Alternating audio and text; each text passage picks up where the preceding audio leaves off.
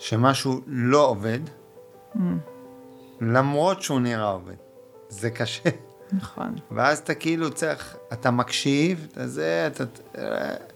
ואז אתה צריך להבין מבפנים, זה לא עובד, זהו. אתה חייב ללכת ל...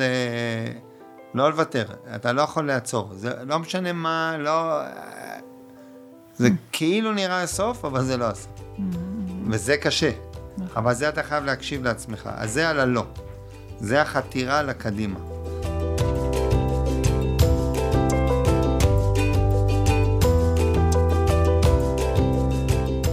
שלום, שלום. אהלן. אנחנו בפרק חדש, זה מתחיל בתנועה. פרק נוסף בפודקאסט שמתעסק בחיבור בין תרגול בסטודיו לחיי היומיום, בין אימפרוביזציה. אה, והפעם יש לנו אורח שמגיע מסטודיו, אבל לא בדיוק סטודיו למחול, אה, סטודיו אחר של עיצוב, בעצם מחברת אופן, שהיא אחת החברות המרתקות והמסקרנות ומעניינות בתחום שמתעסק במיתוג ופרסום. אה, ולמעשה הקשר היום יהיה, ואני חושבת שאפילו חשבתי על הפודקאסט הזה בדיוק בשביל רעיונות כאלו, שהם כאילו לא ה-obvious, לא עוד אומן או אומנית של תנועה וחוקר ופילוסוף, אלא מישהו שכאילו בא מתחום אחר, אבל למעשה מתעסק או חוקר את אותו דבר, ותכף נצלול ונדבר, אבל קודם כל שלום וברוך הבא. אהלן. ואיזה כיף שאתה פה. ממש. כן. בדיוק, מין כזה. אז לפני שנצלול רגע, אני אגיד שזאת חברה שמתעסקת בעצם מיתוג עם חברות, אם אני מדייקת נכון, ותמיד אתה יכול לשנות ולתקן, חברות מובילות, נאמבר וואנים כאלו, וחברות שבעצם או שהן מובילות, או שהן הולכות נגד הזרם ועושות משהו חדש וחדשני, ואתם בעצם נכנסים, אתם כי אתם צוות מאוד גדול במשרד, במקום שיש איזשהו צורך בשינוי. משהו נוסף קורה בחברה, או שיש איזשהו שינוי גדול שקורה, או שיש צורך להשתנות למציאות. וזה חלק מהנקודות מפגש שלנו, אה, כי גם אני חוקרת כל הזמן שינוי ותהליכי שינוי. אז אחד הדברים שאנחנו נפגשנו בהם היה דרך טכניקה שנקראת אימפו דיזיין, אבל אנחנו עוד רגע נצלול אליה. ולפני זה בכלל, לדבר רגע על הרגע שנפגשנו, נכון? כי בעצם נפגשנו דרך חבר משותף בשם איתי מאוטנר, בתוכנית רדיו שהוא ראיין אותי ברדיו התדר, זו הייתה תוכנית שהתחילה בעקבות הקורונה ונקראה ומה עכשיו? אה, ואתה התקשרת אחרי שרצת בבוקר ושמעת אותי מדברת, אה, ובתוך זה אמרת, וואלה, אנחנו עושים משהו דומה. אז, אה, אז קודם כל, רגע, לפני שנצלול לתהליך עצמו, רגע לדבר בכלל על העניין הזה של מיתוג ומחקר, כי עוד לפני improdesign, גם בדבר הכאילו מוכר ורגיל שאתה עושה, יש משהו שנורא הזכיר לי במילים ואיך כתבת את תהליכי האימפרוביזציה. אחד הדברים שכתבת היה שאתם קודם כל מתעסקים במקום של כל הזמן אתם ממציאים את עצמכם. לא רק בתהליך המיוחד הזה שתכף נדבר, אלא בכלל עם כל הכוח. אתם באיזשהו מקום שואלים מחדש כל הזמן שאלות. בסוף אני גם אשאל אותך שאלות. זה יגיע. בינתיים אני מקשיב. והדבר השני שיש גם באתר המהמם והמיוחד והמקסים שלכם, את האיכות הזאת שגם אמרת שהיא קיימת, שהיא בעצם כל הזמן איזשהו מקום של playfulness שנמצא בתוך הדבר עצמו. נכון? Mm-hmm. אז בעצם, טוב, בעצם זה שני אלמנטים שכאילו כל הזמן נמצאים בתוך העבודה עוד לפני שאתם בעצם, נכון? אז המקום שחברות גדולות מגיעות אליכם, ואתם בעצם מציגים מין מגוון כזה רחב שעובד על תהליך שינוי של החברה. מי, רק אני אתן רגע לסדר, מפנגו וחברות כמו אה, עכשיו את חברת קרסו, ואנחנו מכירים את אה, AMPM, ויש כאילו מלא מלא דברים שאתם מסתכלים, כולל, פתחתי את טלפון, אמרתי, מעניין כמה דברים פה, רק בטלפון הקטן שלי זה משהו שלכם, והפילהרמונית ומקודשת, ועוד ועוד ועוד רשימה ארוכה מאוד ומרתקת של דברים. אז רגע, אם אתה יכול עוד לפני שנצלול לתהליך עצמו של האימפרוביזציה, לדבר בכלל על התהליך הזה, שהוא בעצם, יש מקום שאתה אומר, אנחנו כל פעם ממציאים מחדש. מה הכוונה? אני חושב ש... זה, זה ביצה ותרנגולת, אבל כשפתחנו את החברה, קראנו לחברה אופן. ואני חושב שהדבר הזה לא השתנה, בסוף אנחנו נפגשים עם אנשים. Mm. ואם אתה נפגש עם אנשים ואתה בא רגע באמת בשאלה שנייה, לא בתשובה, אתה שואל מה, מה חסר, או מה אתה מרגיש שצריך להיות עכשיו, או שאלות שעולות תוך כדי שיחה, אז ברגע שאתה פתוח לדבר כזה, אז אין לך, אתה לא יודע גם מה תהיה התשובה, ולכן מתוך השאלות בעצם עולות התשובות, ואז התשובות הן אה, אה, כל פעם משהו אחר, ולכן אין דבר אחד שאתה, אתה לא בא נעול עם משהו. טוב, זה הדבר. אה, אז נראה לי שבזה טמון... אה, הבסיס של המערכת יחסים נראה לי עם כל... אה, זה לא רק חברות גדולות, כי נגיד יש דוגמה אחת ממש טובה שיש לי בהקשר הזה. כן. שאנחנו עשינו את המיתוג של שילב, ועשינו את זה עם אה, מישהי שהיא הייתה המנכ"לית ענת לוין, והיא לימים פרשה, והתקשרה אליי שהיא רוצה לעשות מיתוג, היא בהתנדבות עובדת, ובארגון שנקרא בטרם, שזה ארגון שתפקידו זה ל... להעיר באלף אה, להורים שיש המון סכנות סביב ילדים, בבית שלנו, באוטו, בחיים, בחיי היום-יום, ושנשים לב להרבה דברים שלא הרבה אנשים יודעים. נגיד שאפשר חס וחלילה לטבוע בדלי של ספונג'. Mm. יש ילדים שקר תינוקות. אז יש הרבה הורים שלא מודעים לכל מיני סכנות קטנות שקורות סביבם, וזה האג'נדה שלהם שהם רוצים, כמובן זה יותר מפותח, והיא אמרה שהיא רוצה מיתוג. אבל בתוך המפגש איתה, וזה לא עניין של כסף, זה לא, אנחנו באנו ללא רצון אה, לכסף, אלא רק לעזור. אבל כששאלתי אותה, אוקיי, נגיד ויהיה מיתוג והכל יאורגן מחדש, מי יגיע לאתר? אז היא אמרה, אותם אנשים שמגיעים היום. אז אמרתי, אז איך נביא אנשים חדשים? זה המטרה שלנו. לא, הבעיה היא לא באיך שאתר, או... בסדר, הוא לא מאורגן בצורה הכי אה, אה, מדויקת, אבל הבעיה היא להביא, לחשוף יותר אנשים. אז בעצם עשינו סדרה של סרטים מאוד מאוד קשים, אני לא הייתי חלק מזה, לא יכולתי. mm. אה, של הורים שכולים.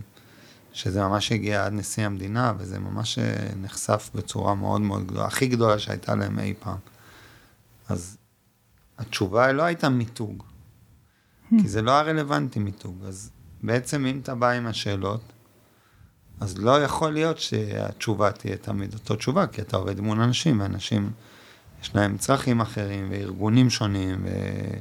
היקפים שונים, וכל אחד עם הזווית ראייה שלו, ו, וגם לא תמיד מה, ש, אה, מה שאתה מציע הוא הדבר שהבן אדם השני חווה כדבר הנכון, אז, או מה שאתה חושב, אז זה, יש פה מקבץ. כי באחד הדברים ששמעתי אותך מדבר, היה על המקום של... בעצם שיש איזה צורך בכנות בתוך המפגש שלך עם לקוחות, שלא כולם תמיד מאפשרים את זה, שזה ברור, וגם את המקום שהגדרת כמו, אני מבקש אמון, trust מלא, כמו אמרת, למסור את המפתחות, כדי שנוכל לעשות איזשהו מהלך. אמרת, כמו שהולכים לרופא לניתוח לב, בטוח. ובכל זאת, זה, זה לא מובן מאליו, בטח נכון, לא בחברות גדולות. נכון, אבל בסוף אתה... לפחות אני מאמין שיש לך חברה שנותנת שירותים, אז אתה יכול לבחור את הדרך בה תיתן שירות. אז אני יכול לבחור או להיות רק מי שאני. אני לא יכול להגיד, טוב, אני אעבוד עם כל אחד שירצה לעבוד איתי, כי זה לא...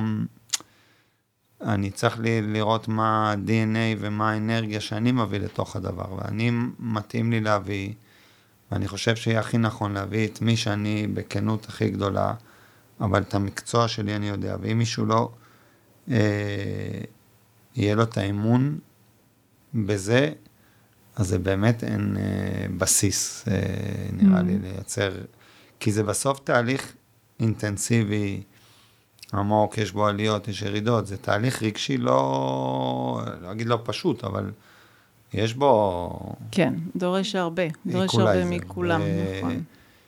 אם אין אמון, אז אי אפשר לעבור את זה, כי אתה כאילו צריך להבין שהבסיס הוא... שאנחנו נעבור את זה יחד ואנחנו נצא מזה מנצחים.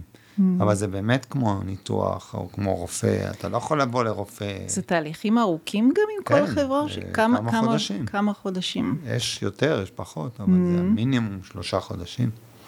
כי כשהקשבתי לך, אנחנו, אנחנו לא מכירים המון, תכף נספר על איך נפגשנו לפגישות שלנו, אבל אחד הדברים שדיברת בהם ואמרתי, הנה, גם פה אנחנו מתחברים, למרות שזה לא עלה בשיחות בינינו, היה המקום של, אה, אמרת, פעם אחת מה שמעניין אותי זה תמיד גדילה. אם מישהו לא רוצה לגדול, אין לי מה לתת לו, ושיהיה לו בהיר גם באיזה אופן הוא רוצה לגדול.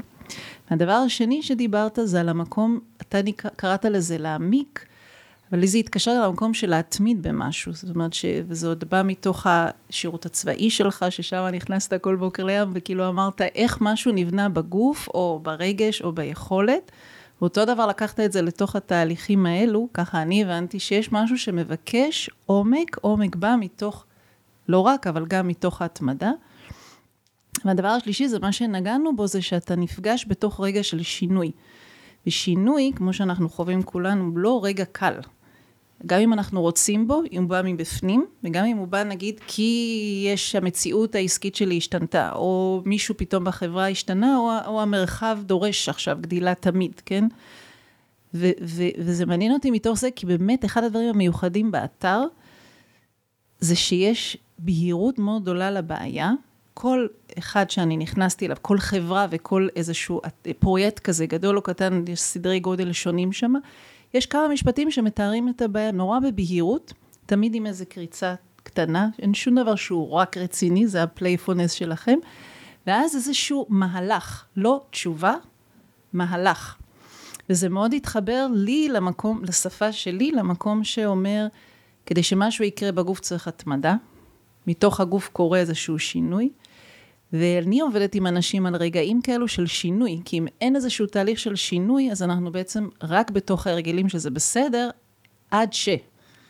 אז זה מעניין אותי איך אתה מזהה שם, או מה, איך אתה עוזר בתוך השיחות הכנות, הלא פשוטות תמיד לאוזן, או ברגע הזה של השינוי, או איך אתה, איזה כלים שם אתה מוצא, או... אני חושב שמה שלמדתי, זה באמת אה, אולי לא יכול להגיד את זה לאורך כל ה... Mm. אבל בשנים האחרונות למדתי שקונטקסט, ככל שתבין יותר את הקונטקסט הרחב של הדברים, הנקודה של השינוי תהיה יותר קטנה, לא גדולה. כאילו, אתה תבין שמה שאתה עושה, שאתה מבין את הקונטקסט, אתה מנסה להבין את סך כל המרכיבים, שעליהם ישפיע, או שהשינוי יורגש בתוכם. Mm-hmm. אז ברגע שאתה עושה את זה בהקשר מאוד מאוד רחב, ממש הרבה יותר רחב ממה שהחברה רגילה להסתכל, נגיד נתת קודם דוגמה את קרסו שעשינו להם את פריסבי, אז כאילו, והם באים מעולם המכוניות בסוף. אבל נגיד היה איזה רגע ש... סתם, שאמרתי להם, בואו נחשוב איך בן אדם חושב תנועה, לא מכונית, אבל הוא רוצה לזוז ממקום למקום, אז יש לו אופציה לנסוע בברט, ויש לו אופציה לנסוע בלמון, ויש לו אופציה לנסוע באוטוטל, ו-go to, ו-move it. Mm. אז, ויש לו גם אופציה להשכיר אותו, ויש לו אופציה לקנות אותו, ויש לו אופציה בליסינג. בעצם, הוא לא חי רק את האוטו.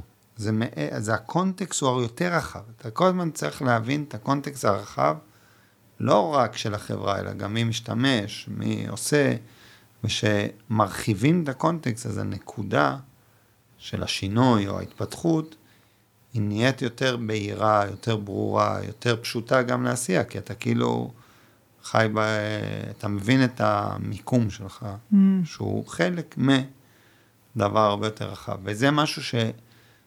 גם למדתי שצריך להשקיע בו הרבה מאמץ כדי להבין. זה לא תמיד הדברים שאתה רואה במקום. אז, אז אתה צריך לעשות עבודה בכמה רבדים ומעגלים, ולא תמיד גם מה שאומרים לך, אתה צריך שנייה לנתח את זה רגע לבד ולהסתכל בצורה הרבה יותר רחבה מה שאתה מסתכל באותו רגע, לפעמים מה קורה בעולם, שלא קשור בכלל לשוק פה, אבל להבין את המגמות, איך הן קורות, מה, מה קורה. אז זה למדתי שזה מאוד מאוד מקל על כולם לעשות את ה... שמבינים את הקונטקסט ומסבירים בצורה ברורה. אתה מנקה את כל ה... מה שלא רלוונטי, אבל מה שרלוונטי אתה מארגן אותו בנקודות קצרות, מדויקות, זה עושה, זה כמו קסם כזה, זה כאילו, כולם מתיישרים, אבל אי אפשר להבין אנשים, אם הייתי מביא את אותו דבר שעשינו בלי הקונטקסט, זה לא היה עובר, בוודאות. Mm. ויש לי תמיד אה, את ההתלבטות הפנימית, כמה... אה, כמה כיוונים לעשות, וכ... זה תמיד אה, שאלה. ולפעמים, גם בזה אני מחליט לא להחליט, פעם בצורה אחידה. אני מחליט כשאני מרגיש מה הדבר הנכון, אל מול האנשים איתם אני עובד, אל מול הסיטואציה שאנחנו נמצאים, יש הרבה מרכיבים. כאילו אתה מתאר רגע שאתה נפגש עם לקוח, מספר לקוחות, לא משנה, לפעמים זה צוות שאתה עובד מולו, ויש איזשהו תהליך שאתה מבקש ממך, וגם להגיד, גם אתה עובד עם צוות, שזה גם עניין מעניין, זה אתה לא לבד. ברור, הרי. ממש לא לבד. ויש משהו שמבקש לא לדעת יותר מלדעת, למרות כל הניסיון, ועם כל הניסיון. לא, אבל גם יש נקודה חשובה, נגיד, זה ממש חשוב בבסיס להבין. נגיד, אני, שאני בא לדבר איתך, נגיד, באתי לדבר איתך. לא שיחה, לא לקוח. אבל באתי לדבר איתך בתור אחת שמומחית, או יש לה הרבה mm-hmm. ניסיון באימפרוביזציה. אז אני לא בא ללמד אותך, אז אני בא כאילו, אני לא יודע, אני בא שנייה להקשיב למה את יודעת. אז אותו דבר שאתה בא לעבוד עם חברה. הם יודעים על העולם שלהם הרבה יותר ממה שאתה יודע, זה אין מה לעשות. זה מה שהם עושים כל היום. אז אתה לא יכול לבוא, אתה יודע, יש דברים שאני יודע, אבל אתה קודם כל צריך לדעת את העולם תוכן שלהם, ואז להתחיל להביא את הידע שלך, ולכן הבסיס הוא קודם כל לבוא בלי ידע. כאילו כמובן, אבל בלי ידע, אתה לא יודע, אתה צריך לשאול שאלות. כאילו בלי ידע מוקדם, לא רק נגיד סתם ניקח את פנגו, כי זה, כן, שכולנו מכירים ועבדתם איתם, וזה משהו גם שנורא שימושי כזה, ואתה אומר, איך אני שוכח את מה זה פנגו רק בשבילי, ומסתכל מחדש ולומד את הדבר. אתה שואל שאלות, ואתה, ברור שיש לך איזה אינפוט אישי, אבל אתה, בסוף אתה צריך לשאול שאלות כי הם יודעים הרבה יותר ממה שאתה. אבל אתה פעמיים שוכח. פעם אתה רוצה לשכוח מזה פנגו, ופעם אתה רוצה לשכוח את כל הידע שלך יש, כדי לראות גם אפילו איזה שאלות אתה שואל, וכמה אתה פותח את המחקר, ובאיזה אופן אתה תביא, הרי תכף נדבר על כלי המחקר השונים שלך כדי לאסוף נתונים, ויש הרבה, יש אפשרויות רבות למה אפשר. גם את זה אתה מנסה רגע בהתחלה להסכים לא לדעת, שזה לא מקום פשוט למישהו בעל שם עם חברה, עם ציפיות, להסכים באמת להיות רגשית במקום כזה. ודיברת הרבה על רגש, איך מביאים רגש, איך מסכימים למצוא את הסיפור שיביא, המו, המו, המילה רגש חוזרת די הרבה, גם hmm. באתר. וזה אמרתי, זה מעניין שהרגש הוא, בסופו של דבר יש פעולה שצריכה להסתיים ברווחים, במספרים, בתהודה לפעמים, זה לא תמיד רק מספרים אה, של כסף, אלא איזה תהודה הייתה, כמו עם הפילהרמונית, לא תמיד זה רק כסף, כן, אבל זה צריך להדהד החוצה. ואחד הדברים ששמעתי, זה גם המקום של להסכים גם שאתה תהיה במקום כזה רגיש יותר פגיע, וגם הלקוח, או מי שאתה עובד, יסכים להתמסר. יש פה איזה שתי נקודות שאמורות לקרות, כדי שמשהו באמת חדש יקרה, ולא רק לעשות כמו איזה וריאציה מוצלחת יותר למה שהיה קודם. אתם הרבה פעמים רוצים ליצור צבע ומותג וצורה חדשה, ו... אז בשביל זה זה דורש איזושהי כנות, נכון. פגיעות ואומץ. נכון. זה, זה גם בסוף אתה... אה, צריך מאוד להיות באמת עם אינטגריטי אה, פנימי, hmm. כזה שאתה כל הזמן יודע לשאול את השאלות, אה, גם את עצמך, שאלות שלא לא החוצה, אתה צריך לשאול את עצמך כל הזמן, רגע, יש לי פה את כל הכלים, עשיתי את כל הזה, אני צריך עוד משהו, אני צריך שיהיה לך מבפנים את הידע הזה שאתה בסוף באים, אה, אתה בא לדבר עם אנשים, אז יש לך יותר ידע מהם, והם בעולם תוכן שלהם, אתה צריך לעבור כאילו, אתה מלמד אותם בסוף. Hmm. אתה צריך לתת להם ערך מוסף, אחרת הם לא צריכים אותך. אז uh, אתה צריך עם אינטגריטי מבפנים, כל הזמן למצוא את המידע הזה שהוא לא, לא מלומד על ידיהם, כאילו זה... אז בעצם יש, לך, יש לכם חברה מאוד מצליחה, אתם מצליחים המון והרבה, mm. ועדיין אתה אומר, באיזשהו שלב הרגשתי שאני רוצה, או משהו הוביל אותי, למצוא דרך נוספת לעצב. ובזה אנחנו נפגשנו, שבעצם אתה רצת ושמעת את אותו רעיון עם איתי, ואמרת, וואלה, אני, עוש, אני עושה אימפרוביזציה בפרויקטים מסוימים. אולי רגע נצלול אל הטכניקה הזאת, שדורשת המון אומץ, ועוד יותר אי ידיעה, כי כל הזרעים האלו גם קיימים גם בפרויקטים אחרים. זה לא פתאום המצאת משהו לגמרי אחר, אבל הלכת עוד כמה צעדים. אז אולי, מה דעתך שנדבר על מקודשת אולי? דרך זה שנסביר קצת מה זה האימפרוב דיזיין? ש... כן, כי נראה לי ששם היה רגע שעשיתי את זה בלי לחשוב על זה, פשוט... לנו היה... אה, אה, רגע, אולי נגיד שפסטיבל מקודשת אולי למי שלא אה, מכיר, זה היה פסטיבל שהיה חלק מאירועים... מאוטנר פה נוכח בכל... כן, מאוטנר, איפה אתה? אבל גם נעמי פורטיס חלק משמעותי בתוך זה, ובכלל שם, זה בעצם היה פסטיבל שהוא שינה, הוא כבר מקודש. זה הוקם בהתחלה כעונת התרבות בירושלים על ידי קרן שוסטרמן ונעמי ואיתי באמת הובילו את זה לאורך שנים. בחל... ואנחנו טיפלנו בזה, וזכינו גם בהרבה פרסים על עבודות שעשינו שם איתם. אה, הלקוח המושלם דרך אגב, שניהם. גם המאפשרים האולטימטיביים, ומצד שני, אין, הם לא נותנים לשום דבר להיות אה, לא בשיא העומק, בשיא המחשבה, גם ברמה, קודם כל ברמת התכנים והאוצרות כן. והאומנות.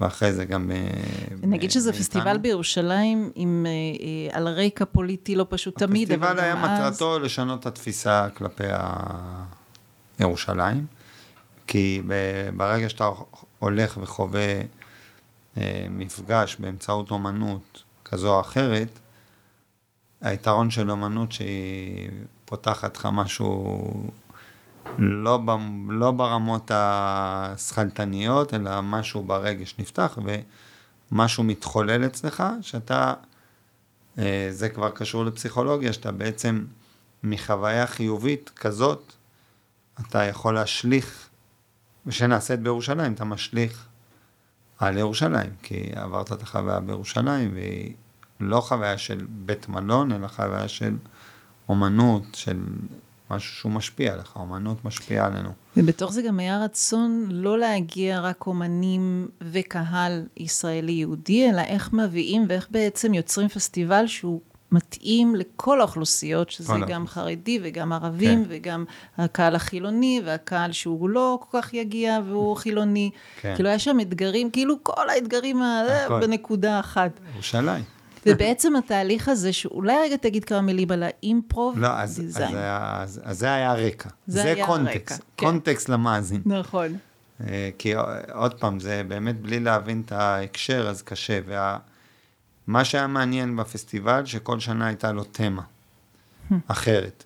והייתה שנה אחת שהתמה הייתה uh, Dissolving Borders, שזה מבוסס על אירוע שבאמת היה בפסטיבל, שהם בעצם מצאו עשרה או שנים עשר אנשים שהם בהגדרה שלהם הם מיסי גבולות, בירושלים יש גם בעיית גבולות ידועה, לא אני, כל העולם יושב על הבעיה הזאת, אה, ובעצם הם מצאו אנשים שהם עוזרים לצד השני להתקרב, הצד השני המטאפורי, לא בהכרח בגבול האמיתי. כן. אתה זוכר דוגמה עושים... של אה, ממיס גבול איש או אישה? וואי, אה, נראה לי...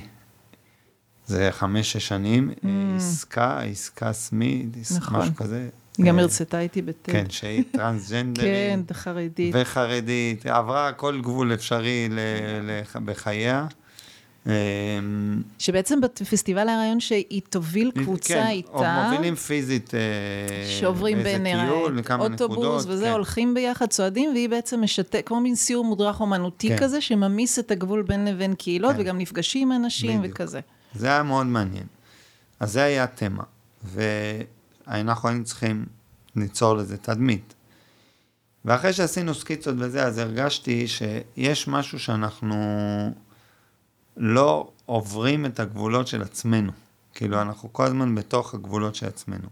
הספציפית במקרה הזה, הדבר הראשון שעשיתי, הוא שנייה להבין ברמה האישית שלי את הגבולות, רגע, איך אני מזיז את המוח שלי, קודם כל, לפני שאני הולך לצוות. אז אני לקחתי, ביקשתי מרננה רז, שתעשה לי איזה כמה שיעורים ב...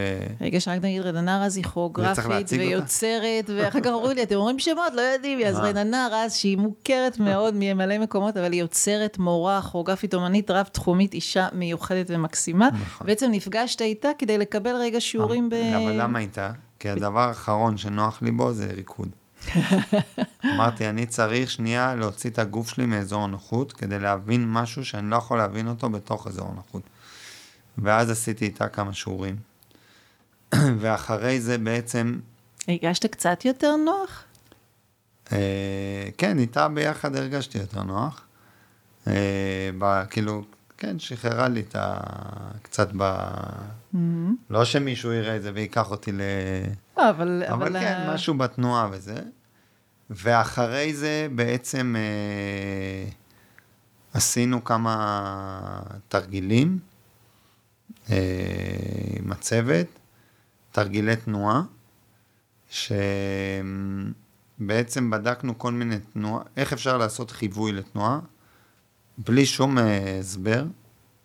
אין הסבר, ועכשיו נדבר קצת על האימפרוב. תהליך עיצוב בסוף, בסוף הוא תהליך אה, סדור.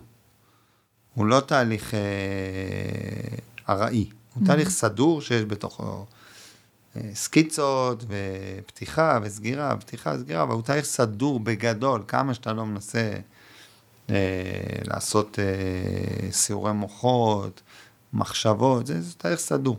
לא ברעניה, תהליך, אה, יש לו דיסציפלינה מאורגנת. ואני הרגשתי שכדי לשבור כדי להגיע לאיזשהו פתרון שהוא לא בתהליך הלוגי הסדור, אנחנו חייבים לנתק שלב, לאבד את הסדר, לאבד את המחשבה הפרקטית, ללכת לאיבוד, ואז, בלי לפחד, שזה מפחיד, אני מודה, יש מעצבים, בלי לנקוב בשמות, שממש התפרקו לי בזה. אה, ללכת לאיבוד, ואז בחזרה אתה מתחיל לאסוף את השברים, תרתי, אה, כאילו, לא באמת. את החלקים, את, את, את הפיסות האלו שהכל מתפרק. שנייה, אתה מתחיל שנייה להבין מה קרה, ואיכשהו... זה כאילו לקחת את הנושא הענק הזה נגיד, ולנסות לפרק אותו לכל כך הרבה חלקים, שאתה אומר, טוב, איך בכלל מרכיבים משהו אתה שם? הולך, אתה לא מנסה אפילו, אתה הולך, מפרק, hmm. אתה לא אומר, אני רוצה פתרון. אתה הולך, מפרק אותו, לא יודע מה יהיה, ואז נושם ומקבל, אה, והפתרון מגיע, לא תמיד בצורה אחת, אבל... אז בעצם בוא ניתן דוגמה לתרגילים ש, שנתת שם לצוות שלך. לא, אז שמה במקודשת זה היה תרגילים, אה, עשינו כל מיני תרגילים של הליכה, וצילמנו, ואז הלבשנו על זה דברים באפטר אפקט, ראינו מה יוצא. את המסלולים בעצם. מסלולים, ואז אה, אמרנו, כאילו זה הוביל אותנו לכל מיני מחשבות, אבל זה היה תרגיל אימפרוב קל יחסית. Mm-hmm. בהמשך החיים, שפיתחנו את זה, אז הבנתי שזה במקרים מסוימים, כשצריך את הכלי, כי זה עוד כלי בסוף, כמו כל כלי, אז לא נביא מברג שנרצה לדפוק מסמר בקיר, אבל כשצריך את זה, ובפילהרמונית הרגשתי לדוגמה שצריך את זה, כי יש משהו במוזיקה שהוא, יש לו איזה, הוא מפעיל לך דברים בגוף ש... במיוחד במוזיקה קלאסית, במיוחד, ידוע גם, לא, mm-hmm, mm-hmm. לא אני, יש על זה מאות מאמרים. אמ, וכאילו הרגשתי שאני צריך לעשות שם יום של תרגילי עיצוב שמגיבים למוזיקה, בלי מטרה, אין מטרה. רגע, אז בוא נגיד שהפילהרמונית, כי זה אולי גם משהו שכולם מקודשת, אולי זה איזה פסטיבל שהרבה יודעים, אבל לא כולם, פילהרמונית, גם מי שלא הלך לקונצרט, יש לו את זה בראש, יש את המבנה. כמוני. עכשיו כבר הלכת, לא? עכשיו, והגיע רגע, אפרופו שינוי, שהגיע מנצח חדש, צעיר מאוד, ופה נגיד הייתה באמת שאלה איך מביאים עוד קהלים, לא רק מגדילים, אלא מביאים לקהלים שאולי בדרך כלל לא מגיעים. ובאמת אמרנו בתוך השיחות בינינו, כי בעצם רק אני אשלים פה את המקום שכל פעם, תתקן אותי אם אני טועה, אבל זה מה שאני הבנתי, כל פעם שעשית תהליך כזה, שתכף נפרק אותו קצת יותר של האימפרוב עיצוב, אותו לוגו ומהלך זכה לפרסים בכל העולם, ובעצם כשפנית אליי, אמרת לי, תשמעי, מבקשים ממני, זה היה טרום קורונה שפנו אליך, כל מיני חברות מאוד מאוד גדולות, ידועות, מובילות, בוא תסביר לנו איך אתה עושה את זה. ואז אמרת, בוא'נה, אני, אני, אני עושה, אני יודע מה אני עושה, זה לא שאני לא יודע, אבל בשביל ללמד עכשיו מישהו אחר, אנחנו צריכים לפרק, ועל זה ישבנו ביחד. אה, ובעצם לא שיתפתי את זה, כי, כי אמרתי, טוב, מתישהו יהיה רגע שנוכל לשתף את זה, לא סיפרתי את זה לתלמידים וכזה, אמרתי, מתישהו יהיה רגע שנצא עם הסדנה וככה. ובעצם לראות איך אתה, שזה הדבר הכי מגניב בעיניי, לשבת ביחד שעות בבית קפה, ולנתח איך אתה חושב, ולנסות לבנות מודלים שהבאתי אותם כתובים, שבעצם היה מדהים לראות את הדמיון הרב לתהליכים שאני עושה עם אנשים באימפרוביזציה בתוך הסטודיו, ולפעמים זה היה אחד על אחד, ולפעמים זה איזושהי וריאציה, כי בסופו של דבר יש גם תוצר, ואצלי לפעמים אין תוצר או יש תוצר. אז אני חושבת שניקח רגע ונצלול אל תוך הפילהרמונית, ובעצם נדבר על הרגע שאחד אמרנו, יש משהו בלא לדעת. אני אאסוף רגע את הדברים. להסכים לא לדעת, שני היה trust, דיברנו, שזה בכל מקרה, בכל תהליך. שלישי זה רגע לשחרר את התוצאה. שלושת הדברים זה הבסיס לתוך אימפרוביזציה, איך נכנסים לסטודיו, מתחברים רגע ומשחררים רגע משהו של מה היה היום ומה אני רוצה, basic, הכי מהותי, ובסופו של דבר גם לשחרר, היום אני חייב לעשות דואטים, היום אני חייב להזיע, לא רגע, מה שיהיה, אם אנחנו באמת קשובים לרגע, זה מה שיהיה, אולי יהיה ריקוד מהיר ואולי ריקוד איטי. ואותו דבר עם אצלך, איך רגע באמת לא רק בשביל להגיד את הדבר, משחררים את איך זה צריך להיראות בסוף. דבר נוסף, אמרת הקשר. שהוא מאוד משמעותי, נגיד בפילהרמונית, תכף נצלול לזה גם, למדת רגע איך היה הפונטים, ירדת לתוך המחסן וראית ארכיון, נגיד בתוך הסטודיו יש דבר שרגע להתחבר לזיכרונות ש-anyway נמצאים בגוף, אנחנו לא באמת מנותקים מהזיכרונות שלנו, אבל אז איך אנחנו גם מתוך זה יוצאים לתוך משהו שהוא רלוונטי עכשיו. והדבר הנוסף שמאוד דומה בשני התהליכים שלנו, שזה אולי לא כל אומן אימפרוביזציה, אבל בטח במקרה שלי, זה שמאוד בהיר מתי צריך לסגור ומתי לפתוח, מתי צריך לשחרר משהו ומתי צריך רגע לאסוף. ובעצם הפילהרמונית נכנסתם, אתה עם הצוות, והיה שם סדרה, קודם כל הלכתם לראות את הארכיונים, נכון? וראית בעצם את הפונטים ואמרת, זה אפילו היה בצורה מסוימת בגלל אורך הפלקטים. Mm-hmm. ואז בתוך זה השלב שלקחת את הצוות, והושבת אותם ליום או יומיים, לא יודעת כמה ימים הייתם, הוצאת אותם א' מהמשרד, לקחת אותם לתוך האולם, הם הקשיבו, ואז נתת תרגילים. אתה... אז, אז אה, באמת את מעלה לי נקודה שגם דיברנו עליה, שכדי לעשות אימפרוביזציה, אתה באמת צריך לשלוט היטב ב... בכלים ובחומר, ואתה לא יכול לעשות, לעשות אימפרוביזציה שתניב אה, איזשהו...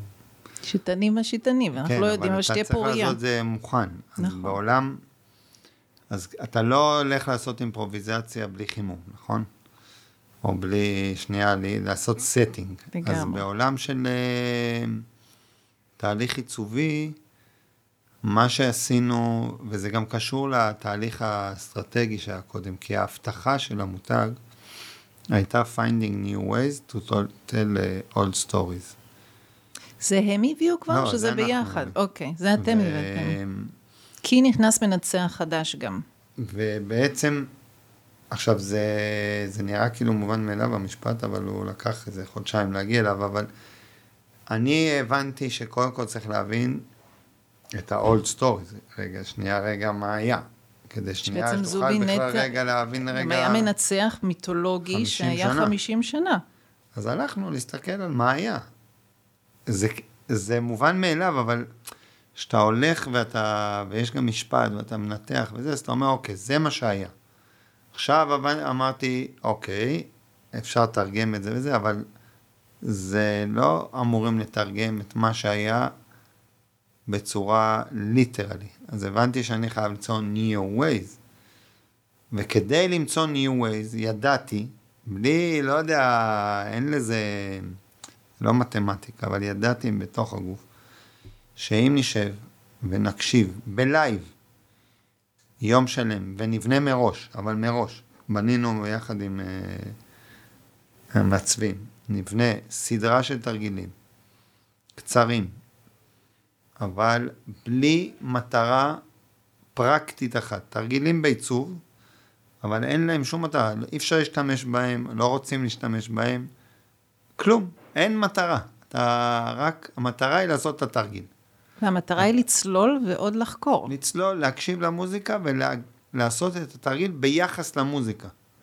אז למשל היה תרגיל, נכון, תן לנו דוגמא. היה לעשות, לכתוב התזמורת הפילהרמונית בשחור לבן בטוש. אחרי זה היה לעשות uh, קווים, קווים uh, בשחור לבן במחשב. כל פעם היה בריף אה, שהוא מקביל מצד אחד, אבל אתה צריך לתת אינטרפטציה. שזה קורה, רק להסביר, שהם באולם. באולם עצמו. אוקיי, על התזמורת מנגנת. גם אסור לדבר מילה, ורק על זה נלחמנו עד שהסכימו. מי הסכים, התזמורת? כן. אין בן אדם נכנס לשם. אז מה שכיף זה גם שלא יכולנו לדבר, אז היינו צריכים, כל אחד ישב עם עצמו. הקשיב, היה לו מחשב, היה לו דפים, היה לו את הכלים, טושים וכולי, וכל פעם זה היה שימוש בכלי אחר. ובסוף היום אספנו הכל אה, וזה גם היה נחמד לראות כמה אנשים עשו דברים דומים ושונים בו זמנית על אותו תרגילים, בלי לראות אחד את השני, שזה נחמד. אבל מה שהיה קשה זה אחרי זה כמה ימים במשרד, לאבד מה היה ואיך מתרגמים את זה לתובנות. אבל רגע, עוד לפני המשרד, אני רוצה לחזור, כי זה אותי, תמיד כשאתה מספר, זה מדליק, זה כאילו נפלא בעיניי, זה התגשמות חלומות כזה, שאתה אומר, הנה, באים מעצבים ומשחקים, באמת משחקים, אבל, קודם כל יש למידה עמוקה של מה, על היה. מה משחקים, וגם יש תמיד, וזה משהו שדיברנו, יש מגבלות כל פעם. זה לא היה. לא עכשיו בואו ותעשו סקיצות. וחלק מתוך המגבלות האלו, היו או החסרה, או הגדלה של משהו. אז או לעשות במשך דקה, אני לא זוכרת בדיוק את הזמן, אבל לא, היה... לא, זה היה 45 דקות לתרגיל ורבע שעה הפסקה. ו- אבל זה בתוך קשה. זה, כאילו היה משהו של להגדיל או להקטין. אני זוכרת בתוך המודלים שדיברנו, אמרנו, אוקיי, אם משהו לוקח הר... אה, מעט זמן, בואו ניתן לו שוב ושוב זמן. אם משהו לוקח המון זמן, בואו נקצר אותו מאוד. כמו שאז אמרתי לך, נגיד בתיאטרון עושים חזרה איטלקית. שאם זו הצגה של שעה וחצי, צריך mm. ב-20 דקות להגיד הכל, ומה קורה מתוך זה. או להפך, שעה, 4-5 שעות, מריצים לאט לאט את... אז משהו בזמן הוא מאוד מאוד משמעותי של משכים, בתוך זה גם מה, מה אנחנו מפחיתים, מה מוסיפים. אין מחשב עכשיו, רק שחור לבן. עכשיו, אני לא זוכרת אם עשיתם, אז הרעיון שלי היה, נגיד, אנחנו רק בעיניים עצומות ורק מקשיבים ונותנים ליד להגיב. או נרגע שאמרת שהם לא מנגנים ואז הם מגיבים לתוך הדבר. כבר לא זוכר את כל התרגילים, אבל כן. באמת היה הרבה תרגילים. אבל הרבה תרגילים... אה, שנייה להוציא אותך כרגע מ... מהקו מחשבה שזה עוד הלוגי. נקודה, גם במקודשת אמרת, אני הלכתי לרננה רז כדי להוציא את עצמי קודם כל ממשהו, ומשהו כדי לייצר איזשהו נראות בסוף אחרת, אמיתית, שנשענת לא רק עכשיו על טריקים, אלא על משהו עמוק ואמיתי, איך אני מאתגר את המעצב, מעצבים, מעצבות עצמם, לצאת מאזור הנוחות, אבל עדיין שזה יהיה לא רק בשביל החוויה האקסטרימית, אלא שיהיה לזה את ההקשר כל הזמן. אתה חייב, בלי הקשר אין לזה שום uh, משמעות, אבל שבעצם התחלתי לחקור את הנושא של אימפרוביזציה, אז... Uh, שזה התחיל רק עם מקודשת עוד קודם, כי... כי, כי... לא, את... זה כל הזמן היה ברקע אצלך, אימפרוביזציה? המקום ה... לא, לא. קודם כל, לקח לי עשר שנים עד שבכלל יש לך ביטחון, אה, אבל המקום, אני חושב, המרכ... הראשון לא יודע אם אני אקרא לזה בדיוק אימפרוביזציה, אבל uh, המקום הראשון שהכרחתי את עצמי ואת הצוות ואת כל המשרד לצאת שנייה מהדרך הרגילה שחושבים, זה היה תהליך מיתוג שעשינו לישראל, mm. למשרד החוץ, זה היה לפני 12-13 שנה, אבל בעצם הבריף היה Creative Energy, זה בריף שהם כן נתנו לנו. וכאילו הבנתי ב... בראש שאתה לא יכול לדבר על קריאיטיב אנרגי, אתה צריך להיות קריאיטיב אנרגי. ואם אתה צריך להיות, אז אתה לא יכול לעבוד עם הכלים שאתה רגיל, כי אז אתה לא תהיה מספיק קריאטיבי, אז עשינו כאלה תרגילים של איך עושים לוגו בלי להשתמש באותיות. אז mm. פתאום אתה צריך להמציא את האותיות ולראות איך אתה... כל מיני תרגילים כאלה של... אה, אז זה ההתחלה. קודשת אה, אתגר אותי לאורך כל השנים, זה לעוד שהוא קראו לו עונת התרבות, זה היה, לא אותי, את כל המעצבים שעבדו על זה ועבדו איתי על זה, באמת הרבה מאוד מעצבים שהם מאוד מאוד מצליחים היום. וכולם זוכרים את העבודות על אה, כן. זה כמשהו מיוחד, כי זה היה אתגר כזה, לא קשור לכסף בכלל, זה אתגר כזה... האתגר אה, עמוק, כי זה גם... עיצובי עמוק, עם נעמי, מאוטנר, כזה כיף, זה היה...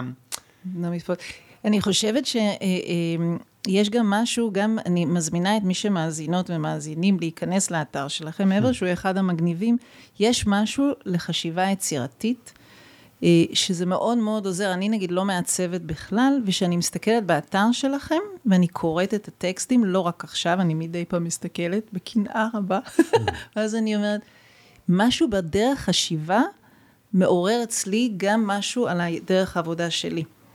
אז אני רוצה רגע לחזור לפילהרמונית, כי לתוך התהליך, ואחד הדברים ששיתפת לא אותי באחד הרעיונות האחרים שלך היה, שבעצם רגע לפני שהתחלת את התהליך היית באיזשהו כנס, ושמעת מישהו מעצב אחר, אנגלי אולי אם אני זוכרת, שמדבר על זה שיש מבנה נורא היררכי מאוד בהיר לכרזות שמתארות אה, פילהרמוניות, שתמיד לא, יש... לא, זה, זה לא, זה, זה, זה לא? ערבבת בין שני דברים. יאללה, אז תסדר. זה שני דברים נכונים, רק אה, אחד, עשיתי הרצאה בברלין, אה, ולפניי היה מישהו שהרצה על המיתוג שהם עשו ל-LSO, שזה mm-hmm. לא בדיוק הפילהרמונית, זה לונדון סימפוני אה, אורקסטרה, אה, טיפה ליד.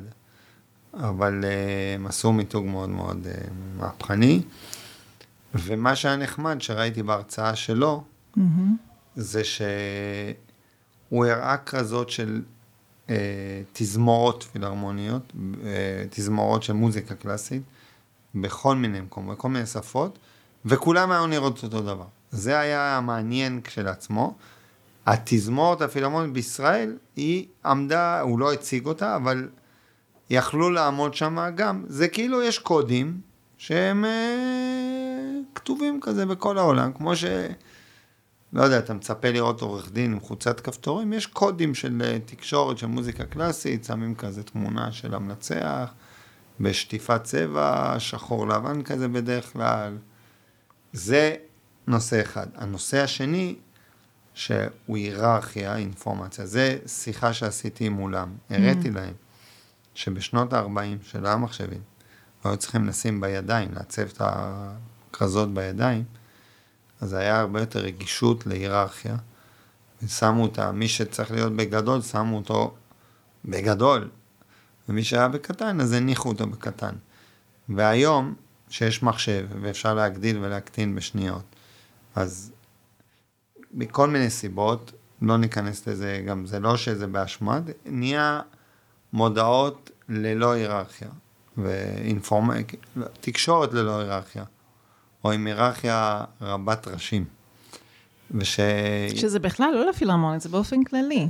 יודע, זה בניתוח של הפילהרמונית, okay. אוקיי. ואז, ואז בעצם אה, זה חלק מאנשים לא יודעים למה, אבל כשרואים משהו, אתה לא יכול לקרוא עיתון בלי היררכיה, לא יכול, אתה לא יכול כתבה, אתה לא יכול לקרוא אתר. אתה לא יכול להיכנס לשום אינפורמציה שלא תהיה היררכיה. תמיד יש היררכיה. המחנכת בכיתה א' עושה כותרת וזה, זה בייסיק. Mm. בעצם הסברנו להם שחייבים ליצור שיטה להיררכיה, זה לא, לא יוכל לעבוד בלי היררכיה. אז זה היה חלק מהעבודה שקשורה כמובן להכל, אבל זה גם עבודה, אם דיברנו על קונטקסט ולהבין את הבעיות, זה, רק על זה ישבתי חמש פגישות עם המנהלת שיווק לשיחות, שיחות והבנה של איך... אבל למה זה עלה קורה, לך? למה זה קורה בכלל? בגלל העיצוב או בגלל ה- כי הדבר בסוף ש... זה חלק מהאינטרפטציה, בסוף, בסוף, בסוף, אחרי כל האימפרוביזציה והזה והזה, בסוף צריך לתת כלי שהוא יעבוד. לא, אבל למה הבנת את זה? כי ראית שמשהו, כן. אם לא יישבר את זה, אז לא תוכל לייצר עולם כן, חדש, אי אפשר, אני יודע שאי אפשר לעבוד בלי היררכיה. Mm. אני יודע את זה, זה אי אפשר לייצר קומפוזיציה בלי היררכיה. כי בוא נחזור רגע, היינו ביום בפילהרמונית, המעצבים שלך עושים מלא תרגילים מגניבים, כיפים, אבל אז בסוף היום חוזרים, אמרת, לוקחים נשימה, ולא יודעים מה לעשות. ולא יודעים מה לעשות. ואחד הרגעים שאני תמיד אומרת בתוך תהליכי יצירה לאנשים, בין אם זה להרבה קהל או למעט קהל, זה לא כל כך משנה התעודה, תהליכים אותם תהליכים, להסכים רגע שיש כמו באר נפערת, לא יודעים מה לעשות, ורגע לשהות שם. ידוע, משפט trust the process. נכון. אבל אה, הפרוסס הוא מלא דברים. לא, לא, גם- פרוסס הספציפי הזה. יש רגע שלא יודעים. לא. זה וצ- קשה, זה לא... ומשהו רגע. נשבר, ש... נכון, והוא לא קשה, והוא גם אתה יכול צריך מאוד להיות להלחיץ. בוגר. בגלל נכון. שאני עובד הרבה עם מעצבים צעירים, אז אני אומר עוד פעם, אה, זה לא מתאים כולם לכולם. לא, לא עמדו, ממש חלק נעלמו לי מהמשרד, וואלה. בכי, עניינים, יש, אה, זה מורכב. כי זה לוקח נוגע אותך עמוק. רגשית עמוק. עמוק, להסכים למה. כן. אבל בכל זאת, בואו זה נתקדם. מתסכל גם. אוקיי, רמת תסכול גבוהה, ולהכיל את משהו שהוא הוא, לא רואים אותו, ועדיין ממשיכים לתת מלא אנרגיה בלי לראות לאן זה מתקדם. אז- קשה. ואיך בכל זאת אתה עושה את המהלך שיש עכשיו ים סקיצות, או אצלכם עוד במחשב, אז זה קל עוד, לא, חלק תולים, הייתי אצלך במשרד, זה, זה כאילו צבעוני, זה מלא, יש איפה לתלות, איפה לשים, איפה לארגן, איפה זה, ואז אתה עומד מול זה, ו... מה קורה אז? אז אני חושב שגם פה, כמו בהתחלה, כמו בכלל, אני חושב, בכל אה, מפגש, אני חושב, עם אנשים, אני שנייה גם, אה, אני לא אוהב להתנהל כ... נקרא לזה במונחים רעים, כבוס או כ... צריך שנייה לבוא לזה צנוע וקשוב, כי בסוף אני עובד עם אנשים מאוד מוכשרים, אמנם צעירים, אבל מוכשרים, חכמים. ואם אתה קשוב, אז אתה יודע להקשיב לכל אחד, הוא מביא את החלק שלו, ואתה צריך לדעת לחבר את ה... להקשיב ולחבר ולשאול ולהתבונן ו... ככה לאט לאט, זה לא תשובה חד חד ממדית שהיא... נכון, אבל למעשה אתם צפה. עומדים, ואז לאט לאט צריך, יש פה תהליך אה, כן, של להתחיל עריכה. לדלות, לדלות, להתחיל- לעצור, ל- ל- להבין. זה לא בדיוק עריכה, זה... אתה צריך לשמוט מלא ולהישאר עם אתה כמה. צריך שנייה להבין מה, מה, מה מעל הדברים. זה כאילו אתה, זה Mm. קשה, כי זה לא מה שרואים, זה מה מה מתחת או מלמעלה. כן, זה כאילו עמוק, להבין עמוק מה פנימה? גרם לזה ומה מה המכנה אז המשותף. אתה לא מוריד, אתה משאיר את הכל מומח- מולך כן, או אבל מולכם. אז מתחיל שלב נוסף, שאתה הולך לחפש, ואתה אומר, רגע, זה נכון ולא נכון, ו... זה עוד שלב, אבל זה, אם אתה בא לזה עם אה, עמוד שדרה, זה עובד, אבל זה קשה, כי הפידבקים הם אה, לפעמים, כשאתה משתף אנשים, זה לא הלקוח, זה לא, כרגע לא, מדבר על לא. התהליך עצמו. זה קשה להחזיק את זה, זה קשה לחתור לפתרון, זה קשה. כששמעתי אותך לקראת הרעיון, ואני יודעת שהתהליך הזה קשה, כי אני מכירה את זה גם מעצמי וגם משיחות שלנו, וחשבתי שוב על ה- משהו שבאת איתו מתוך הצבא, מתוך האימונים שאמרת, משהו שם למדתי, על איך עובדים עם בן אדם באופן מאוד מאוד רחב ומגוון. וכאילו לא לוקחים דבר אחד רק לתוך תרגול, אלא לוקחים מגוון מאוד מאוד מאוד רחב. ובשבילי יש משהו בלהכיל כזה דבר, שזה להיות מסוגל רגע להסתכל, ולהתחיל לשחק עם החומר, עם המחשב, לא משנה עם מה. אז רגע להגיד, רגע, עכשיו צריך לצאת, לעשות הליכה, לחשוב על משהו אחר, לקבל השראה. רגע, עכשיו אנחנו צריכים רגע לשבת ולחזור חזרה ללקוח ולדבר איתו בעוד סדרה של ש... כאילו להסכים שזה לא one way. לא one way. וזה גם לא רק משהו שאפשר עכשיו להגיד, תראו, תחסירו, תתרחקו, תתקרבו, תעשו זה, שזה מחזיר למקום נוסף, מחזיר, לאן אני חוזרת כל הזמן איתך, למקום שאני יודעת ומכירה מהמעט קצת, אני לא מכירה אותך מלא, אבל המילה אינטואיציה חזרה בשיחות שלנו הרבה, גם בקריירה שלך וגם בבחירות שלך, וגם פה. ואני חושבת שאין דבר שאפשר לעשות באימפרוביזציה בלי להקשיב למה אה, הרבה אנשים אומרים תחושת בטן. אתה יכול רגע לתאר רגעים כאלו, לזכור אותם, מה בעצם עובר שיש שם את הבלבול, או מתח, או פשוט, לא תמיד מבלבול, פשוט צריך להתקדם הלאה, וזה לא לגמרי בהיר איך. איך אתה שם עושה את הבחירות, או מה, למה אתה מקשיב? זה בא לך, זה hmm. כאילו, כשאומרים אינטואיציה, זה קצת כמו להגיד למישהו, יאללה, תזרום, או אתה... כאילו, איך מפרקים את זה לרגע? ברור שאי אפשר את הכל, אני יודעת, זו שאלה כזאת, ובכל זאת. אה, וואו, זו שאלה באמת אה, מורכבת, כי זה באמת... אה, אני חושב שאפשר להסתכל על שני טריגרים של אינטואיציה. אחד, זה האינטואיציה הפנימית שמשהו לא עובד, mm. למרות שהוא נראה עובד. זה קשה. נכון. ואז אתה כאילו צריך, אתה מקשיב, אתה זה, אתה... ואז אתה צריך להבין מבפנים, זה לא עובד, זהו. אתה חייב ללכת ל... לא לוותר, אתה לא יכול לעצור. זה לא משנה מה, לא... זה כאילו נראה הסוף, אבל זה לא הסוף. Mm-hmm. וזה קשה. נכון. אבל זה אתה חייב להקשיב לעצמך. אז זה על הלא. זה החתירה לקדימה. ויש את הרגע שאתה יודע שזה זה, זה תחושה אחרת מהלא, שאתה יודע שזהו, יש לך שנייה את הפתרון, עכשיו נשאר לשוט איתו ב... ולארגן אותו וזה, אבל אתה יודע שהוא שם. Mm. נכון, אבל באמת אז זה, אז זה אני חושבת שכולנו יודעים, כי שזה זה כמו פוגשים מישהו שאוהבים, או פתאום רואים נכון. איזה מוזיקה, אה, סליחה, רואים יצירה או שומעים מוזיקה, אתה מרגיש שזה מדבר. להיות מסוגל להגיד זה לא זה, למרות שזה נראה אפילו מתקדם מאוד, והגעתם למשהו והשקעתם מלא זמן וכסף והלקוח מחכה, ועדיין להגיד שמה not yet, שזה אחד המשפטים שאני אני למדתי בצעירותי מהמורה הנפלא שלי, סטיב בץ, שהייתה הופעה שלמה שהופענו, שהיה צריך לרדת ולעלות מתי שרוצים, זה אימפרוביזציה. וכולם היו על הבמה, אף אחד לא פינה, כאילו היה יותר מדי. ולא עליתי. שעה שלמה אני עומדת מאחורי הקלעים, לא עליתי, לא עליתי. יצאתי כועסת, מה, הם לא מקשיבים, לא מפנים מקום. עליתי כל כך מעט, חיכינו להופעה, תרגלנו שבעה שבועות. ואז הוא אמר לי, מה עשית שעמד מאחורי הקלעים? אמרתי, שאלתי את עצמי, yet, not yet, yet, not, אלא לא. אמרתי, not yet. אומר לי, בראבו, it's one of your best performance, אחת ההופעות הכי טובות שלך, כי לתרגל not yet. קשה. קשה מאוד. קשה מאוד. והוא אמר, ההופעה איתה היו הרבה רגעים מוצלחים בלעדייך. ו- וזה היה חלק מהמקום שלי של להגיד, רגע, רגע, רגע, מתי? רגע, עוד לא. זה לא לא, זה עוד לא.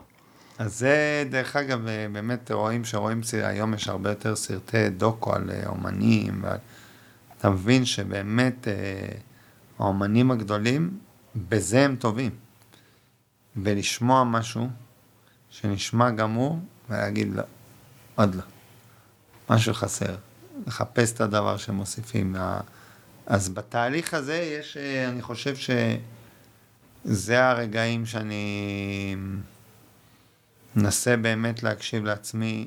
אני מקשיב לכולם, אבל בסוף בסוף אני מנסה להקשיב למה אני מרגיש, ובקטע הזה אין חוכמות ואין משחקים. אם אתה תהיה מדויק עם עצמך, זה יעבוד, זה עובד. Mm-hmm. ואם אתה לא, למרות שאתה חושב שאתה כן, זה איפשהו מישהו יעיר לך את הנקודה הזאת. Mm-hmm. אז לא תמיד, אה, כמו ב... אנחנו בני אדם, לא תמיד אפשר להגיע לרמת הדיוק העצמי בכל אה, מפגש, אבל אני חושב ש... אה, אם אתה בפוקוס, אתה מגיע בהרבה מהמקרים. ואם אם רק נשלים את התהליך עם הפילהרמונית, כי בסופו של דבר, ואני ממש מזמינה אתכם פשוט לפתוח או להסתכל או להרים עיניים ולראות כל מיני כרזות של הפילהרמונית, כי מה שנוצר, ו- ו- וזה אחד הדברים שאמרתי לך גם אה, כשהסתכלתי על עוד ועוד ועוד ועוד עיצובים, יש תמיד תנועה שקורית בתוך הלוגו, או שהעין משלימה תנועה. כי אחד, ה... כי האותיות ארוכות. ההיררכיה שם נשברת, יש ממש חוויה שאתה מסתכל על תווים, שאתה מסתכל על ה... אה, ועוד אפילו לא נכנסתי לצבעוניות שיש, שהיא לגמרי מנגנת משהו שם, והיא משתנה מכל, אני מסתכלת כל פעם על כל דבר, אני אומרת, מכירה, אני מכירה את התהליך הזה. אה, אז יש משהו במקום הזה של... אה, ברגע שאתה כן יודע שזה זה, אתה נותן לאחרים לארגן, אתה מארגן, מה קורה בשלבים? אוקיי, הבנתם שהאותיות הן כך, שזה הצורה, שזה... איך מביאים את זה לידי צוות כל כך גדול שעבד בתוך זה? בסוף מישהו צריך ל... לארגן את זה, לשבת ולסגור. בסוף יש לקוח בסוף שמחכה לתוצאה, ואיך בסוף, זה אתה יושב? מה קורה לא, שם ברגעים אני- הסופיים? אני... אני, התפקיד שלי זה בסוף אה, באמת אה, לשאול את השאלות, בעיקר לשאול את השאלות, ולקבל את ההחלטות הסופיות, סופיות, סופיות, מתוך הרבה Mm, אה, ניסוי וטעייה. אה, מעצבים, אה, תפקידם לעצב, תוך כדי דיאלוג משותף, ובעצם להביא תובנות משל עצמם. לפעמים כל התובנות הן שלהם, אני רק אומר כן. כאילו, אם אני... ולפעמים שאלה אחת שלי תוביל את זה למקום הנכון, אני לא יודע, אין לזה... זאת היו נגיד חמישה-שישה אבל מעצבים מאוד ש... תלוי מי עובד איתך. אוקיי, בסוף, ישבו אה, חמישה-שישה, בסוף אחד מסוגר את הדברים. אוקיי. במקרה הזה אחת. ואנחנו, ככה עוד שאלה אחרונה על זה, ובעצם, לא יודעת אם הפילהרמונית, אבל נגיד עם משהו אחר, אתה מרגיש שזה זה. כן הגעת לזה, לא משנה אם זה באימפו ו... או בדרך הרגילה האחרת המיוחדת שלכם, ואתה בא ללקוח עם תחושה פנימית בבטן שזה זה, והלקוח אה, לא מתחבר. לא קורה. לא קורה? לא קורה. לא קרה לי בחיי. כי הם פעם. חלק מהתהליך כל הזמן. לא, וכי- כי גם הם חלק, אבל אה, שאתה מאורגן ומנומק. זה זה. והכל יושב, זה לא... לא קרה לי אפילו פעם אחת. נפלא. לא קרה לי. איזה איש מאושר. לא, אבל זה... שוב, לא כל עבודה אני מגיע לרמת המאה, כן? אבל כשאני מגיע למאה, Mm, לא קורה. אבל זה באמת אה, לא קורה...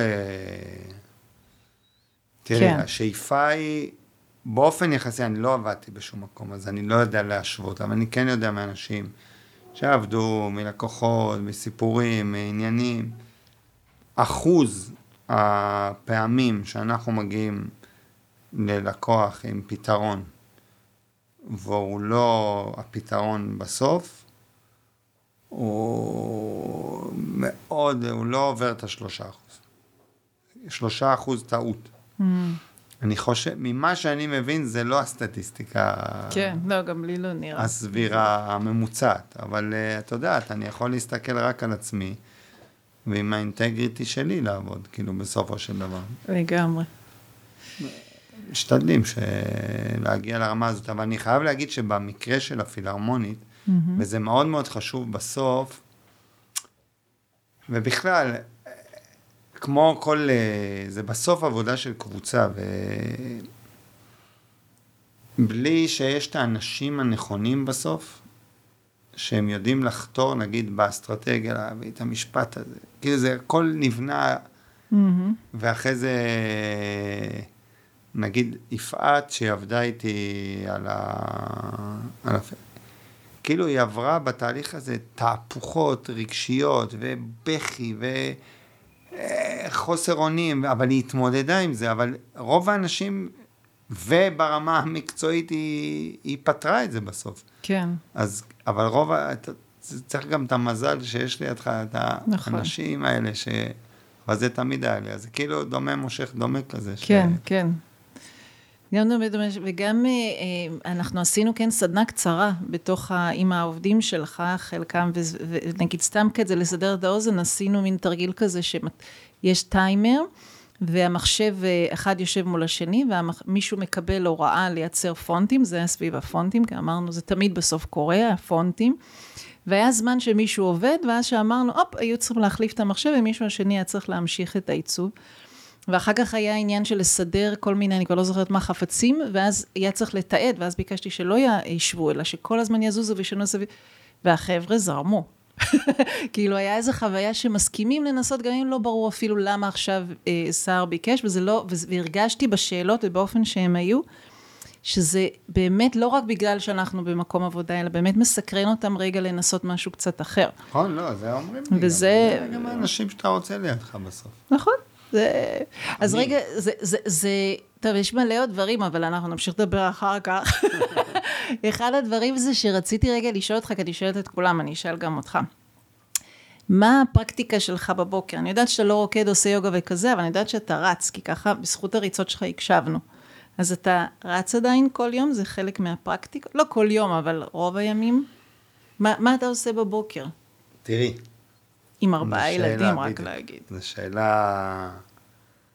אז קודם כל, אני חושב, למדתי על בשרי, שהבוקר שלי יהיה מוצלח רק אחרי שהמשפחה שלי, שזה אומר אשתי וארבעת הילדים, יקומו בבוקר, יחייכו, יקבלו את האנרגיה הטובה, את האוכל, את הסנדוויצ'ים, את האנרגיה ללכת ליום, ואחרי שהם הולכים, מה שעשיתי, ואני ממש ממש שמח שעשיתי את זה, mm.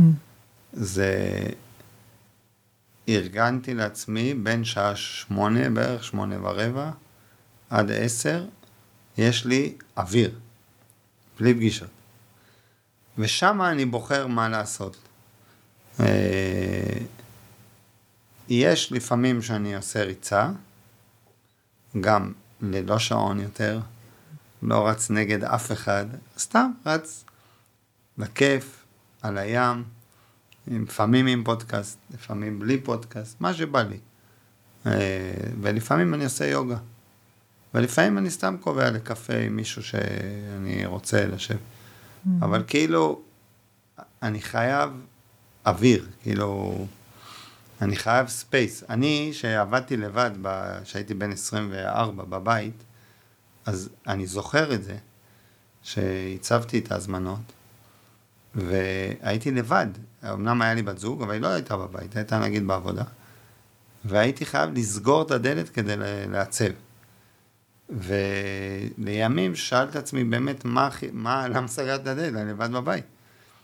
אז אני חושב שכל יוצר באשר הוא, הוא חייב אה, ליצור לעצמו את המרחב, ה... זה נקרא מרחב הטעות, המרחב, ה... המרחב לטעות גם בעין, אבל גם בה', שנייה רגע להדהד איזה מקום כזה שהוא נותן לך רגע space. להיות וגם... כן, גם... שנייה ל- לעבד, ל- נכון. לחשוב, ל- שנייה. ששאלת אותי, אז אני, ששיתפת, אז אני לא יודע אם לא רוצים פודקאסט או לא עם פודקאסט, ואז חשבתי שלפעמים אנחנו צריכים לרוקן את עצמנו וללכת, גם אני תמיד בשאלה הזאת, כן? לא, אני... לפעמים ככה. ולפעמים ככה, אבל... זה עניין של מרגש. וגם לדעת שלפעמים, ש, שאיך רגע, כי השאלה הזאת היא גם, כאילו יש, רות, יש את הזמן הזה שצריך פה לפעמים להתרוקן ולפעמים להתמלות, אבל הזמן, גם אני, לי אין ארבעה ילדים, יש לי ילד אחד, ובא לך לדעת שהם יוצאים, אני אומרת, או, oh, עכשיו הבקרים שאני כן נשארת בבית, יש לי את הזמן, ולפעמים אני אומרת, איך הזמן רע, איך כאילו כבר אחת, שתיים, כאילו ועשיתי את זה, ואני מתענגת על הזמן הזה של לחקור ולהיות ולבהות רגע ולעשות הליכה. ו... אז זה זמן הכרחי. אז אצלי, אני, אם אני מצליח עד עשר, אז זה באמת הישג גדול, ואני... באמת, נפלא. זה מאוד משמעותי, מאוד. אחרת הכל היה מרץ. אז uh, יש עוד מלא דברים לדבר, אבל נזמין אותך לפרקי המשך. בכיף, איזה כיף, אבל ממש כיף. ותודה רבה לך. אימפרוביזציה זה כיף. נכון, אימפרוביזציה זה ממש כיף, ברור. וגם להגיד שאני נורא נורא תמיד, זה, זה נורא כיף להיפגש איתך. קודם כל זה כיף, זה, זה, פשוט, זה פשוט וכזה. ושאני לומדת ממך דרך כאילו השאלות והמהלכים, זה ממש ממש מעניין וכיף לראות שאנחנו כאילו באים מעולמות שונים ויש מלא על מה לדבר. אבל לא, כאילו, אני חושב ש... הרבה אנשים, אה, אני אתן את זה משתי נקודות, mm-hmm. רק לסיום. כן, כן. אני עבדתי פעם עם בחור בשם אדי גורדון. שהוא היה כדורסלן מאוד מפורסם בהפועל ירושלים, באמת עבדנו איתו הרבה שנים. ויום אחד הוא עשה לי ולאייל, שותף שלי, תרגיל נחמד. הוא לקח אותנו לתחנת רכבת השלום, שיורדים ממנה במכה אחת אלפים של אנשים. אמר, תעמדו פה בזה, אל תדברו, תעמדו. ועברו אלפים, ו... ואני ואייל מכירים אנשים. אה, ולא הכרנו אף אחד, עוד רכבת ועוד רכבת. ואז הוא אמר, מה אתם עושים מעצמכם עניין? אתם... אה, בסדר, תחיו, תעשו טוב, אבל הכל בסדר, לא צריך לעשות עניין יותר מדי גדול. וגם אני אומר תמיד לעובדים, אה, אנשים, גם אני אומר הרבה פעמים לקוחות, אנחנו לא עוסקים בהצלת חיים, אנחנו עוסקים בסוף, באמת, בואו נהיה בפרופורציות, כאילו, אנחנו עוסקים בצדדים היותר יפים של החיים, פריבילגיה, יש כאלה יגידו, אז באמת, תדעו את מקומכם, אבל mm. לא, אנחנו לא מנתחי מוח, כאילו, בסדר, עושים איזה, לא ניקח את עצמנו, נעשה הכי ברצינות, אבל גם לא צריך לאבד את הראש ולהגיד, אני מרכז העולם, זה לא, זה אנחנו עושים בסבבה, בפשטות, בכיף, לא צריך אה, נכון. יותר מדי... שזה מקסים, כי מי, ש, מי שנמצא הרבה בסטודיו, אנחנו כל הזמן מתגלגלים, ותמיד הסטודיו גם לא תמיד כזה נקי, ואז אני אומרת, איך אפשר לתפוס אגו שאנחנו כל הזמן מתגלגלים והכפות רגליים יוצאות שחורות בסוף היום, אז הנה, אפשר גם שמתגלגלים עם מחשב במשרד מאוד מאוד מקסים. המשרדים שלה, משרדים, הסטודיו והמשרד היו קרובים ברחוב מסלוויטה. נכון. אה, אז זהו, אז, אז קודם כל תודה רבה. אני מאחלת ש... אה, אני מאחלת כאן לנו ביחד. שעוד נעשה את הסדנאות האלו. נראה לי זה יהיה מגניב. כן, זה שוב, העניין שגם פריוריטי וגם אה, בסוף בסוף אני לא אוהב להיות במרכז העניינים. אז אה, זה צריך לראות עם עצמי אם אני רוצה שם... אה, כן, אבל יש פה משהו מגניב במקום של להגיד לאנשים שזה המקום שבשבילי הוא כל כך משמעותי. המקום של חיבור רגע פנימה לגוף, נכון, והדרך השיבה הזאת, זה כאילו משהו שאני... זה לא רק להיכנס לסטודיו, זה להיות בתוך פתיחות וסקרנות עם הצניעות ועם המקום שמציע גם הרבה וגם בטוח וגם משוחרר מהכל, וזה משהו שאפשר להגיע במלא דרכים. והנה. לא, אני אעשה, בסוף אני אעשה. תודה רבה לך. איזה כיף.